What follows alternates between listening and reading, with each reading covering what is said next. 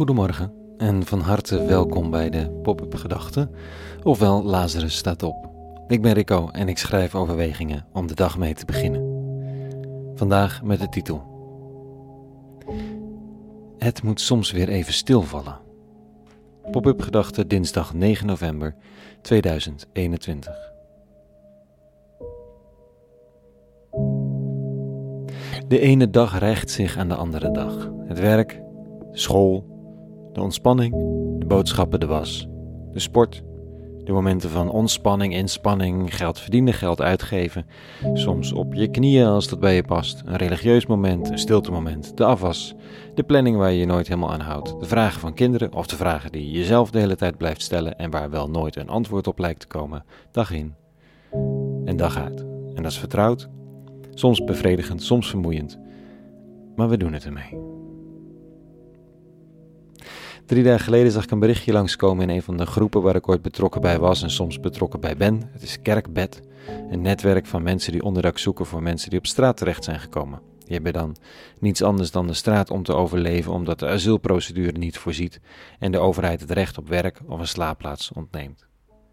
Een jongeman uit Gambia sliep al dagen op straat en we hebben hier net een ruimte leeggehaald en zijn bezig om die in te richten als gemeenschappelijke ruimte van de woongemeenschap. De inrichting kan nog wel even duren, dus kom vooral logeren. Een blind date natuurlijk, want je hebt werkelijk geen idee. En zo zit je op een reguliere donderdagavond opeens op de bank met iemand die heel veel jonger is dan ik, die de shit van de wereld aan alle kanten heeft ondervonden, die fanatiek mu muziekliefhebber is en waar je dan maar je favoriete liedjes mee uitwisselt. Overdag hebben de buren de plek omgetoverd tot een kleine hotelkamer beneden. Dit is niet een voorbeeld als, nou, kijk ons nou eens, maar simpelweg dit. Dit was niet mijn idee van een donderdagavond. Dat was ofwel rust ofwel werken, maar niet met een wild vreemd op de bank praten over de kampen in Libië, een inspirerende priester in Italië, muziek en wat er verder allemaal niet langskwam. Maar even was er niks anders dan dit. En ik ben dankbaar. Het leven werd even omgegooid. Ik moet eraan denken vanwege de lezing van vanochtend, die overigens heel wat disruptiever is dan mijn muziekluisteravond. Maar het gaat ook over ruimte creëren.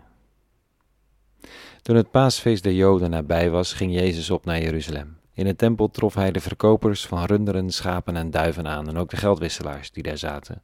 Hij maakte een geestel, dreef ze allemaal uit de tempel, ook de schapen, de runderen, het kleingeld van de wisselaars veegde hij van de tafels en wierp die omver. En tot de duivenhandelaars zei hij: Weg met dit alles. Maak van het huis van mijn vader geen markthal. Waarom waren er in die tempel schapen en runderen en wisselaars en duiven en wat niet al? Hadden ze er een handelsvloer van gemaakt met aandelen in de aanbidding van het geld? Was die daarom zo nijdig? Ik weet het niet, het leek gewoon praktisch. Het idee was dat je kwam offeren en je kunt dan een dier uit je kudde meeslepen de hele weg van je stoffige dorpje door bergen en heuvels naar Jeruzalem om daar dan het mes erin te laten zetten. Of je stopt wat munten in je zak, doet die wandeling fluitend, koopt een schaap en laat daar dan het mes in zetten. Beetje pijnlijk hier voor dierenliefhebbers en vegetariërs, maar dat is een ander gesprek. Punt is, het is niet slecht wat er gebeurt, per se, lijkt het. En toch moet er ruimte gecreëerd Sterker nog, de tempeldienst die ten alle tijden door moest gaan als dienst aan de eeuwige, wordt hiermee de facto stilgelegd. Er is namelijk geen toegang meer. Je kunt niet meer kopen en verkopen en hoe moet je dan door met je offers? Nou, dan maar even niet, lijkt de man van Nazareth te zeggen. Er is ruimte nodig. In de markthal wordt het leven geleefd. Roddels uitgewisseld, eten en drinken gekocht, vriendschappen gesloten en bevestigd en worden voorbereidingen getroffen voor de maaltijd thuis of dat je een fijne rustige zondag hebt met goed eten. Zo gaat het, dag in, dag uit. Tot er iets inbreekt, dat ruimte opeist. Dat vraagt dat alles even uit de handen mag vallen, dat het tijd is om stil te staan, de handen te openen en te beseffen dat er meer is dan de dagelijkse gang der dingen. Voor mij was het heel even onze vriend uit Gambia. Soms is het iets anders. Maar mag mijn leven nog verstoord, stilgezet, mag de ruimte worden opgeëist, zodat het even stilvalt daar op het tempelplein? Wil ik me nog laten verstoren?